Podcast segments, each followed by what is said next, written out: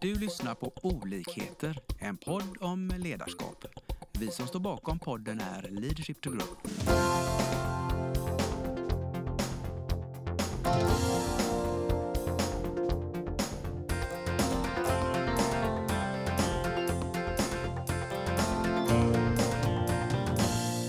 Nu kör vi snart igång Stärk ditt ledarskap.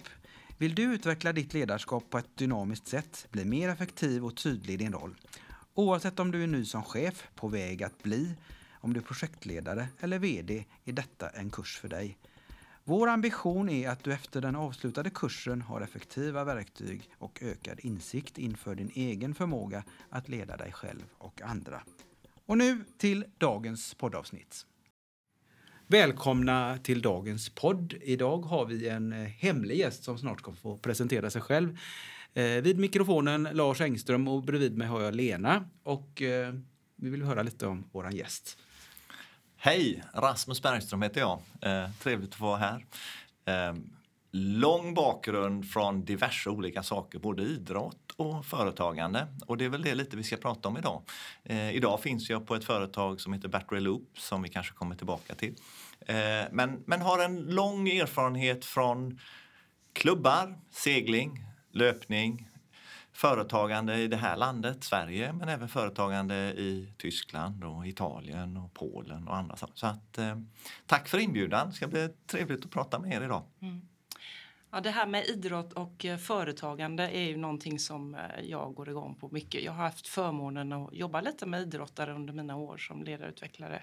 Och någonting som jag har märkt då det är att alla de här smarta, bra sakerna som man lär sig i idrott, som är ganska tydliga i idrott, det glömmer man när man börjar sitt första jobb eller andra jobb. Att man inte tar med sig de där eh, liksom, nycklarna för att eh, åstadkomma ett eh, spännande och framgångsrikt idrottsskap. Liksom. Hur tänker du? För det var ju så jag mötte dig Rasmus för några år sedan. Ja, den, den, den är ju känslig. Så.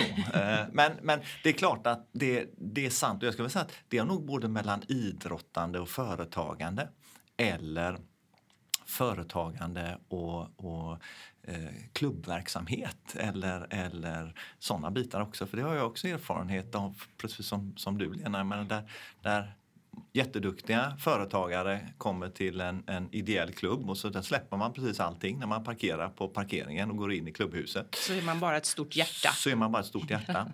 eh, och där är väl, tycker jag, en, en bit i företagandet och idrotten är väl kanske ibland att mm, ja, kanske jag då, jag kanske inte alltid såg kopplingen mellan idrotten och företaget eh, eller företagandet. Förrän jag kanske blev påmind av det av en viss ung kvinna. ja. ja, och eh, om du liksom kommer tillbaka eller landar tillbaka, om vi kan försöka dra tillbaka klockan då när vi satt där i det där rummet och jag ställde de här frågorna. Var det något specifikt som fick dig där liksom, ja just det, så är det ju. För sen tyckte jag ju att den resan började väldigt tydligt för dig. Liksom. Att dra eh, lärdomar ifrån din idrottskarriär. Så att säga. Jag tror att, att det var ett antal saker, men jag tror en nyckel tror jag var det banala. Men vad är målet?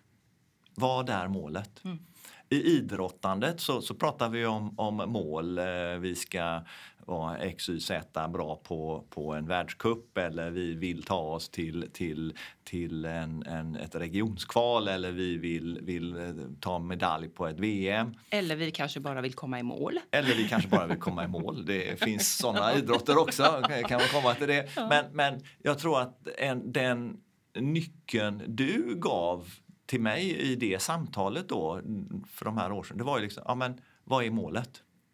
Och då började ju jag reflektera och tillsammans med dig då, men, men vad, vad, är målet egentligen? Och då var ju du ganska tydlig med, men, men Rasmus, varför kopplar du inte till idrotten? Där hade du mål. Mm. Mm. Och då kom motivationen, energin och allt det andra? Ja, då kom ju, då kom ju motivation, det kom ett syfte, det kom en, en, en, en riktning, det kom en uppföljning. Det kom, då, kunde man, då kunde jag relatera det till ett annat sätt. Um, just gällande ja, men vad är målet? Eh, och går vi åt rätt håll? Eh, springer vi åt rätt håll? Eh, och det jag tror vi, vi började med då, det var ju en diskussion, ja, men var står vi någonstans idag? Vad är utgångspunkten? För om vi inte, Nuläget. Nuläget. För om, om, det är ju svårt att sätta upp ett mål eh, om jag inte vet om näsan pekar åt höger eller vänster. Eh, utan verkligen, för jag tror vi diskuterade det ganska mycket då. Liksom. Men, men var står du någonstans idag? Vad är, vad är, vad är status idag? Så att vi utgick från det och sen byggde målen. En reflektion när jag sitter och lyssnar då. Eh, företagandet då, om du tittar på det idag. Har det, tycker du generellt att det har blivit bättre det här med målfokus i företagandet? Eller är det fortfarande lite room for improvement så att säga generellt? Oj. Om jag, om jag bara ser till, till där jag sitter idag då, eh, om jag relaterar till det. Men, men då, då ser jag så här, är det room for improvement, förbättringar? Ja, definitivt så, så är det ju så. Men jag tror att vi idag i vårat eh, startupbolag startup-bolag som är under hela Stena-sfären, vilket är en, en jätterolig resa, så, så har vi ett väldigt tydligt mål. Vad är det vi ska skapa? Eh, och jag tror en nyckel till det då med tanke på att vi skapar ett, ett nytt bolag, det är ju att, att kommunicera. Vad är målet? Hur ska vi komma till målet? Eh, och också med realism faktiskt säga, var står vi någonstans idag? Hur långt har vi kommit idag? Mm. Eh, det tror jag är en, en så finns det, finns det förutsättningar till att bli bättre? Definitivt. Men det låter ändå så när du beskriver nu jämfört med när ni började resonera kring det att, att eh, i det här fallet så är det mycket tydligare. Det finns en målbild. Hela eh, existensen av det här bolaget är ju målformulerat låter det som. Ja, men, men man ska väl också vara så, så ödmjuk att det går att förbättra. Jag menar, vi, vi tar ju in nya människor nu hela tiden. För, för två år sedan så var vi, vi fem individer. För ett år sedan var vi åtta individer. Idag är vi 21 individer. Så det är klart att har alla fått med sig samma målbild? Troligtvis inte på så sätt, men, men det är en, en viktig bit för att nå dit och det tror jag alla ledare måste tänka på. Det är ju kommunikationen. Hur kommunicerar vi? För det är klart att om jag säger till, till en erfaren säljare i 50-årsåldern en, en story med målet. Det är klart att, att den 29-åriga nyutexade eh, kommunikatören tolkar det på ett annat sätt. Så jag, där tror jag vi har dynamiken i det här nystartbolaget. För vi har allt från 29 år till, till 61 år. Och det är klart att man jag tror att vi alla tolkar en, en, kommunikation på olika sätt. Så jag tror att man, vi får aldrig glömma att kommunicera. Och det är ju, det är ju någonting som vi ledare med en viss erfarenhet då eh, får, får hela tiden ta. Jag tror att signalen uppfattas på olika sätt för vi är ju faktiskt olika. Mm. Och därför är det ju så viktigt som du säger med kommunikationen att man kan inte säga det en gång utan man får kommunicera det, samma sak fast kanske på lite olika sätt för att alla ska landa i det. Ja, eh, och- där, där, har, ju, där har ju jag en, en, en svaghet. Eh, man ska vara ärlig mot sina svagheter och styrke, styrkor då. Eh, men, men där har ju jag en, en svaghet på det sättet för jag kan ju springa ganska fort. Eh, vilket, vilket jag vet också, jag tror Lena du och jag pratade om det för några år sedan just att, att ja, men, vil, vilken bergstopp är du på? Har du, har du säkrat att de andra är med på, på samma bergstopp? Eh, Det var inte så. Eh, nej, det, det är inte alltid så. Eh, och det, det tror jag, det är också en lärdom tror jag i, i både egentligen oa- oaktat om vi pratar idrott eller om vi pratar företagande. För det är klart om, om vi är i ett, ett fotbollslag eller i men den där jag kommer ifrån med segling. Om inte, om inte alla på båten vet så att, vad, är det, vad är det vi ska göra och vart ska vi på väg och var är vi någonstans idag. Det är klart att det, det blir svårt i, i den aspekten. Och det är likadant med företagandet. Har du då genom de här åren eh, kommit på något knep för att få kvittens på det där, att ni är på samma berg? Kvittens på samma berg. Eh, jag, tror, jag tror upprepning är ju en, en väldigt, väldigt viktig bit. Eh, och sen också en, en, en kommunikation. Hur, hur har vi tolkat det vi har sagt? Och, menar, vi, vi hade bara ett möte häromdagen med, i, i vårt bolag med så att, erfarna människor. Och där vi har då byggt en, vi har byggt en roadmap som är egentligen vårt mål då med, i, i det här. Och eh, vad vi ska uppnå den, den eh, i kvartalmässigt sett och sen är det nedbrutet till månads och aktiviteter mm. och alla de här bitarna som är så. Men så, så, så, insåg jag på ett fredagsmöte, som på ledningsmötet, och det var ledningsmötet, att men vänta nu, vi missförstår ju varandra även i ledningen. Så då, då, då satte vi ihop ett lunchmöte direkt efter helgen och så sa men okej, okay, vad är det vi menar med start of production? Bra. Vad menar Bra. vi med, med eh, test och verifiering? Vad menar vi med sälj? Så att vi måste ha samma definition. Mm.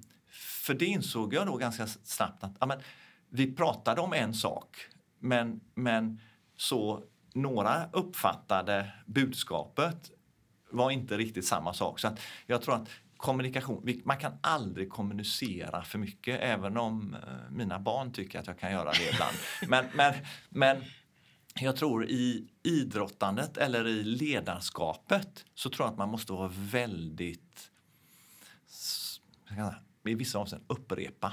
Mm. Och faktiskt kanske säga samma sak på olika sätt. För du förstår inte på samma sätt som jag tänker. Om vi ska bli ännu mer konkreta då på det här lunchmötet ni hade sen då. Eh, vad, vad ledde det till? Blev det bättre? Ja, det blev bättre. Det blev en förståelse mellan, mellan de olika funktionerna på vad är faktiskt målet och vad är det vi har kommunicerat? Och vad innebär det här för de olika enheterna? Och det är, det är tillbaka igen till vi, vi uppfattar saker och ting på olika sätt även om vi säger det. Eh, och vi lägger in våra, våra egna värderingar, vi lägger in våra egna erfarenheter från tidigare arbeten eller tidigare chefer eller tidigare ledare. Så jag menar, vi, vi, vi tolkar ju saker och ting med, med en ryggsäck. Precis. Mm. Mm. Och där vill jag också lägga till då också att det, vi pratar ju om kommunikation men det finns en annan sak i kommunikationen som också är viktig och det är ju de här två öronen då. Att man också använder dem för att höra hur det är uppfattat. Eh, för ibland kan jag uppleva när man är ute och så är det kommunikation, envägskommunikation.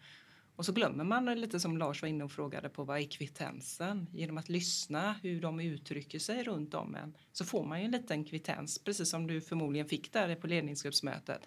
Ja men nu, nu har de tolkat det här helt annorlunda än vad jag tolkade liksom. Och det finns ju inget rätt eller fel. Nej. Utan det är ju bara viktigt att vi har samma, vi har uh, vårat företags tolkning. Mm. Och, och, där, är, där är tillbaka till, till en viktig bit. Liksom. Vad, är, vad är kulturen? Vad är värderingarna? Um, hur, ska vi, hur ska vi använda det i vårt samarbete? Mm. Uh, och, jag tror det, och det arbetar vi med just nu jättemycket. Men vi är ju vi är ett uppstartbolag i, ändå inom, eh, inom Stenasfären som sagt. Och vi bygger nu, vad, vad är våran kultur? Vad är våra värderingar? Mm.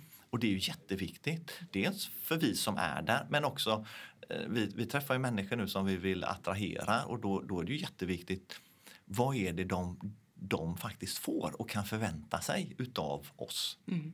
Och, och, där, precis, alltså nu kalibrerar ju ni eh, liksom, eh, konkreta ord, tänker jag, då, i ledningsgruppen. Men när man kommer in i värd, eh, med värderingar och kultur så är det ju ännu viktigare att kalibrera. Vad menar vi med högt i tak? Eller vad menar vi med transparens? Liksom, man glömmer det.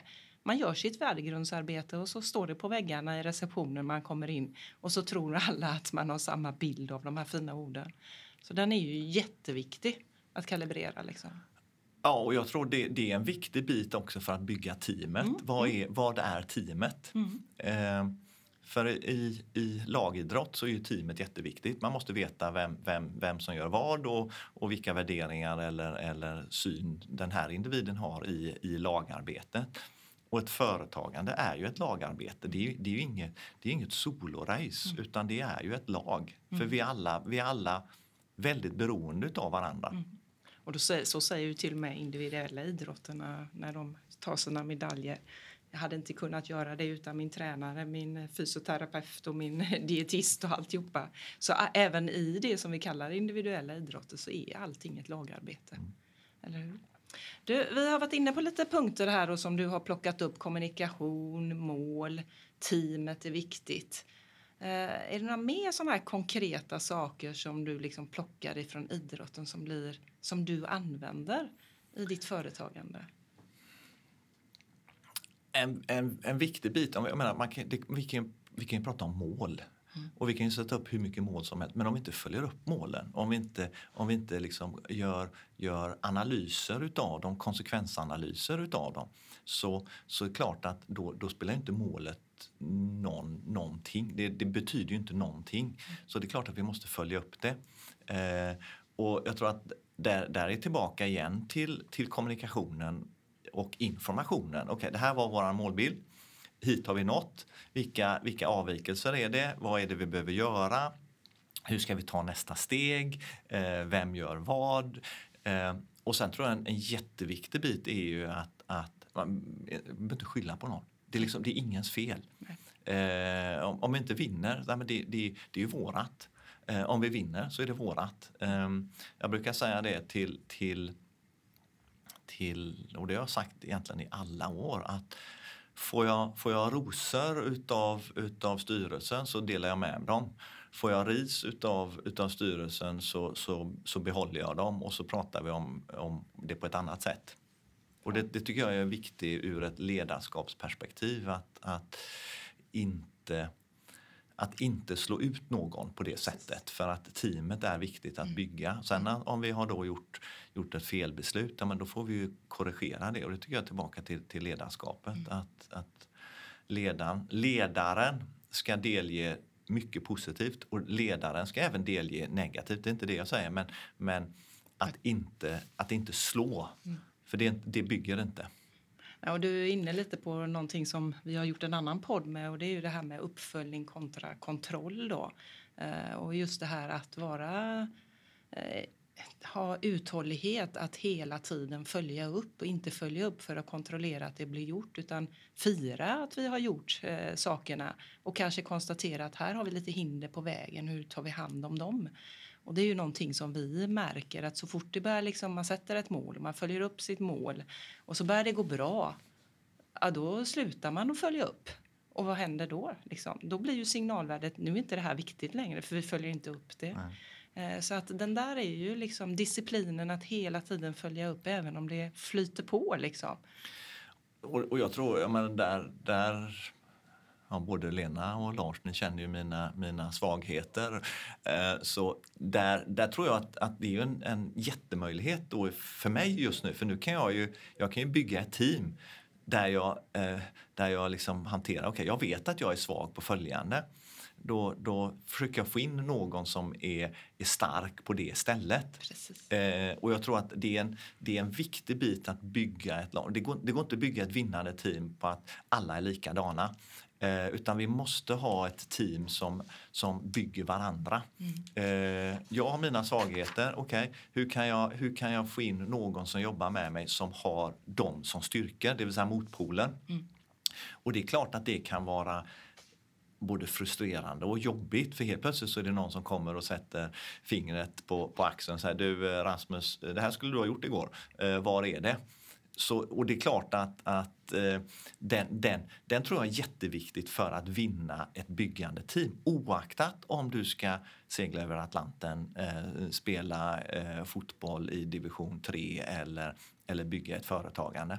Mm. Det tror jag är jätteviktigt. Och jag, jag tror att ibland Ibland kanske vi, vi, vi går fel för vi vill gärna jobba med dem som är lika som oss. Men jag tror faktiskt att det är viktigt att, att använda olika kulturer, olika kunskap och styrkor och svagheter i, i vårat, eh, vår egen situation mm. mot mm. de andra. Mm. För då bygger, du, då bygger du en stark kedja. Mm. Klockrent. Mm. Eh, förebilder. Har du haft några förebilder under din resa? Jag har haft, eh, eh, eh, där, där, ja, jag har haft förebilder och det, den, är ju, den, är, den tror jag är jätteviktig och för mig har den varit viktig egentligen hela, hela min karriär sen jag började på, på Volvo. Eh, den blev väldigt, väldigt tydlig när vi gjorde en ledarskapsutbildning på, på, på mitt tidigare jobb. För då, då var en del i det hela var vi kallade en, en, en, en diskussion med, kring, kring brasan med Rasmus som då var, var jag var ju affärsområdeschef och vi var ju tusen anställda. Och, och då var, då tänkte jag just, okay, men vad är det jag egentligen ska säga till, till alla de här? Och det var från italienare och tyskar och polacker, österrikare och svenskar och norrmän och finnar och så. Och då började jag reflektera tillbaka på både positiva saker och negativa saker. Och då utkristalliserade ganska tydligt vad, vad varit mina förebilder? Eh, och jag brukar än idag säga då att jag har tre väldigt starka förebilder. Eh, jag tänker inte säga några namn, men, men en förebild det var en chef jag hade på Volvo. Och som ung konstruktör på Volvo och ung projektledare på Volvo tyckte jag det var jättejobbigt. För han ställde mig frågan tillbaka. Vilket beslut vill du att jag tar Rasmus? Underbart. För att, som han sa, du har mest kunskap. Du har mest information. Jag kan ta vilket beslut du vill. Men du måste ge mig vilket beslut vill du att jag tar och argumentera för det. Sen kan jag ta det. Men du har kunskapen. Och det, gjorde, det var jättesvårt i början.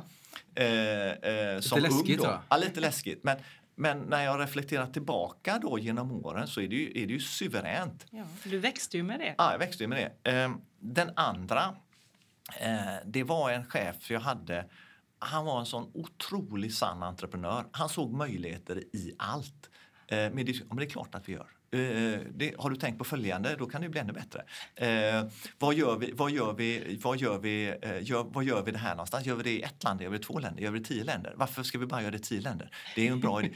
Och, och den energin det gav till, till mig då var ju jättepositiv. Så det var entreprenörskapet. Eh, och Stena är ju ett entreprenörsbolag så att man kan ju gissa att det kom från Stena. Eh, och den tredje, och det är väl den enda jag, jag pratar med, med det, var, det var min pappa. Eh, och min pappa, ja, ni har ju faktiskt träffat honom för 40 miljoner år sedan. men, men min pappa han, han, han var geolog och han utbildade studenter på Chalmers. Eh, och samtidigt så var han, han en docent i, i Saudiarabien och jobbade med, med, med vatten och olja och liknande. Och han lärde mig just att varje individ som kommer in genom dörren, oaktat om det är en 22-årig student eller om det är en prins i Saudiarabien, så kunde han prata med dem och han värderade dem precis lika mycket för att de var där med ett budskap eller en fråga. Och han, han, han pratade med dem på samma sätt. Och där tycker jag det, den, den tar jag med mig jättemycket. När de kommer in i mitt rum mm. då, eller, eller vill prata med mig, då, liksom, då är det full fokus på den individen. Och det, det har jag med mig från honom. Det kan ju vara viktigt eh, för våra lyssnare i de här eh, digitala tidsåldern när vi störs väldigt mycket kanske. Att fokusera på den du har i rummet, tänker jag.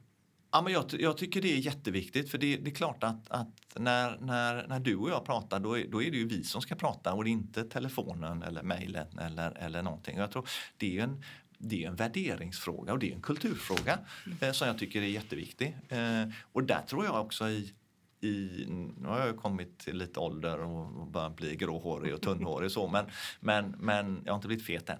Men, men där är ju, där är jag inte medelålders man, medelålders fet man. Men, men jag tror att det som är viktigt för oss som är, har kommit lite längre, men nu pratar vi med, med, med unga människor, det är att vad är det liksom, det, det är fokus på den individen. Um, sen och där tror jag, jag vet inte om det var du Lena eller om det var min fru som sa det när, när jag fick ett av mina större eh, chefsjobb, ledarjobb. Det var att jag skulle sätta upp eh, en tvåa och en fyra på, på väggen. Eh, och det var, ska jag ta beslut inom 24 timmar, inom eh, 24 dygn, eh, inom två, 24 minuter eller 2,4 sekunder? Att verkligen reflektera. Hur, bara för att saker och ting är, är är bråttom eh, eller viktigt så behöver det inte vara bråttom. Nej. Och, och, den, tror jag, den tror jag jag har lärt mig också i, i, genom åren.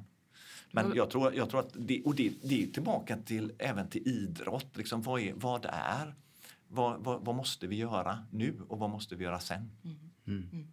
Det, det är lätt att allting blir väldigt bråttom. Ja, och det, det, det, tror jag tillbaka till, till, till oss som individer och samhället. Ja, ot och allting. Otåligheten. Ja, Men där ja. kanske man kan säga att pandemin faktiskt har hjälpt oss. Eh, med hela den här, de här ett och ett halvt åren så har väl lite liksom förändrats. Att saker och ting som var bråttom igår kanske inte är så bråttom idag när man står inför en, stod inför en pandemi som vi gjorde då. Eh, så jag tror att den lite där har och där, där, jo, men det, ja, det kan jag hålla med om. Och jag tror en, en viktig bit i det, det är ju att, att vi, måste, vi måste vara anpassningsbara. Mm. Eh, och vi måste våga vinna och vi måste våga förlora. Och i pandemin har vi vunnit vissa saker och vi har förlorat vissa saker. Och jag tror det är tillbaka till, till om, om, man aldrig vågar förlora så kommer du aldrig, våga, kommer du aldrig vinna stort. Eh, och jag tror pandemin har kanske lärt oss det i vissa avseenden. Att ja, men det, är inte liksom, det är inte en motorväg utan det är en, det är en slingrig stig som Precis. vi ska ta oss igenom. Mm. Ja, och är det någonting vi lär oss i, i idrotten det är väl att eh, varje dag inte är en vinst. Nej. och jag tror att man, man och den, den, den tror jag är jätteviktig i att den dagen man inte vågar förlora eh, då kommer man långsiktigt inte vinna. Nej. Jag tror inte det.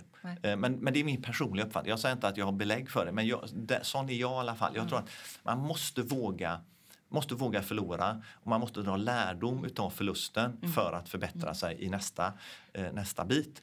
Eh, eller nästa race eller nästa affär eller liknande. Men, men det tror jag är en jätteviktig bit. Och jag tror jag tror att det finns belägg för det. För det här har jag hört både Stefan Holm och Kajsa Bergqvist säga. Mm. Om jag inte vågar liksom eh, riva den där hindret där framme, då vågar jag inte hoppa heller. Nej, nej. Men samtidigt tänker jag att det känns som här är ju potentialen större inom företagandet. Då. Det, det, jag möter ju ganska mycket och vi kulturer där, där det är lite eh, obra att eh, misslyckas och eh, man ska alltid liksom vinna. Ja, men jag tror att, ja, ja, jo men det finns ju sådana kulturer och, och företagande och, och ledare. Eh, jag tror inte på det. Jag tror att du, du, måste, du, måste, du måste våga och du, du ska ha rätt att göra fel. Eh, sen ska man inte göra samma fel eh, sju dagar i veckan. Men, men om, vi inte, om, vi inte, om vi inte får in den kulturen i, i medarbetare då kommer vi inte utveckla mer. Då kommer inte folk våga ta ett steg till eller, eller hoppa ytterligare högre eller liknande. Vad gör du då som konkret för att bygga en sån bra kultur? Vad jag gör? Ja, men ett, jag klandrar aldrig någon som, som har gjort fel utan egentligen bara vänder på, på det samma. Okay, vad för lärdomar har vi dragit av det här? Um, vad är för konsekvenser utav det? Hur ska vi, hur ska vi hantera de konsekvenserna i, i, och resultaten om, om det gick fel? Eh, och vad gör vi istället nästa gång? Det, den dialogen är ju, är ju viktig. Eh, absolut inte liksom slå på fingrarna på, på någonting som har gått fel. Eh, däremot om folk eh, medvetet förstör, då är jag, då är jag väldigt tydlig. Mm. Mm. Mm. Det, det, här blir ju liksom lite intressant nu när vi har dragit de här kopplingarna då, idrott, företagande och vi är inne på lite olika områden som, som du har dragit lärdom i idrotten och haft med dig in. När du tittar på en CV och ska rekrytera, har man en, eh, en fördel att komma från någon idrott när man söker jobb hos dig? Man har en fördel? Um... Värderar du dem? Eh, jag, jag värderar dem ganska mycket för det säger en hel del om individens mål, om individens disciplin och eh, individens eh, drivkraft. Eh, behöver man vara elitidrottare? Nej, definitivt inte. En annan sak jag värderar, och det kanske är lite känsligt att säga, men, men kvinnor som har barn de har en, en otrolig eh, potential, eller inte potential, eh, arbetskapacitet. För de hanterar barn, eh, arbete, studier, sig själv, liknande. Eh, vi alla män har inte alltid samma multitasking om man får uttrycka mig så. Och jag vet inte om det är rätt att säga det här på en, en podd. Så, men för mig, den, den är jätteviktig i, i aspekten. Eh, idrott betyder mycket. Jag tror att en människa som, eller, som har barn betyder mycket för då måste man anpassa sig, man måste vara tydlig, man måste ha mål. Eh, man måste ha viss disciplin. Eh, den betyder jättemycket. Eh, Det är roligt att du säger det, för för 30 år sedan satte jag upp det på min CV. att du skulle ha barn. Nej, att jag var mamma till två barn. Vilket innebar många el- bollar i luften Ja, och ja, men det- flexibel och konfliktlösning Ja, och ja, alltihopa. och, och sen, sen, eh, sen kan jag säga att jag har, när jag har sökt folk så, så har jag i, i vissa avseenden gjort, gjort eh, olika diskrimineringar. Jag har sagt att vi måste ha in mer kvinnor. Det vill säga, jag tittar bara på kvinnliga CV. Och då fick jag tillbaka, men du måste ju titta på de som är bäst. Nej, det finns bästa kvinnliga. Jag ska ha den som är, för det betyder så mycket för teamet, för sammanhållningen, för byggandet utav teamet. Och det kan lika väl vara eh, att vi måste ha in en manlig man, för att det precis. bara är kvinnliga. Ja, om, vi tar, om vi tar vården där det. Mm. är liksom övervägande kvinnor så kanske det måste vara in män. Eller i förskolor måste det vara in män också. Så jag tror att återigen, vi, vi behöver i samhället den kompletta eh, Mixen. paletten, Ja. mixen oaktat om vi är män, kvinnor, eh, om vi, vi tror på Gud A eller Gud B eller inte på Gud överhuvudtaget. Så jag tror, jag tror det är jätteviktigt. Eller, eller språket. Mm. Eh, nu i vårt lilla team då så, så vi pratar bara engelska för vi har en kille som är, är han är Hongkong-kines uppväxt i Tyskland. Han pratar, bara, han pratar bara antingen mandarin eller engelska eller tyska, så vi valde engelska. Konstigt beslut. ja, men det var eh, lång utredning. Ja. ja, är det någonting vi har missat? Är det någonting som du tänker? Något mer guldkorn, koppling, idrott, företagande, lärdomar? Ja, Jag tror, jag tror, beroende på lite vem, vem, vem, vem som lyssnar i det här, är ju ett, fråga. Ställ alltid frågan. Eh, var inte, bygg inte försvarsmurar kring din position. Ehm, så. Våga, våga faktiskt förlora, för då kommer du vinna. Våga erkänna att jag har gjort någonting bra eller jag har gjort någonting dåligt. Våga erkänna det, tror jag. Det är en, det är en viktig bit. Och sen tycker jag kopplingen företagandet och, och eh, våra, våra klubbar och alla människor. Så. Jag, jag tycker det är lite förvånande ibland att duktiga drivna, utbildade människor när man sätter sig i en klubbnivå, ja men då tar man bara på sig, då tar man bara på sig hjärtat. Och det är lite förvånande tycker jag med den erfarenheten som jag- Sen ska man självklart ha med sig hjärtat, men det ska man ha med sig både i företagandet och i, i, i klubben, idrottandet. Ehm, jag tror att alla de, de som håller på med idrott eh, ska vara, vara stolta över det de har gjort och ta med sig det in i företagandet och inte, inte på något sätt, ah, men jag, har, jag har simmat också, utan eh, verkligen trycka det på det på sin, sin CV eller sin, sin, sin säljpitch i, i varför ska du just välja mig? Det var väl en bra slutkläm. Mm. Tack för ett eh, trevligt samtal, Rasmus. Tack så jättemycket. Ha en bra dag. Detsamma. Vi hoppas att vi har väckt tankar om hur du kan utveckla och stärka ditt personliga ledarskap. Följ oss gärna på våra sociala medier där vi heter Leadership to Grow. Om du vill ha mer inspiration och verktyg, gå in på vår hemsida leadershiptogrow.com. Tack för att du lyssnar.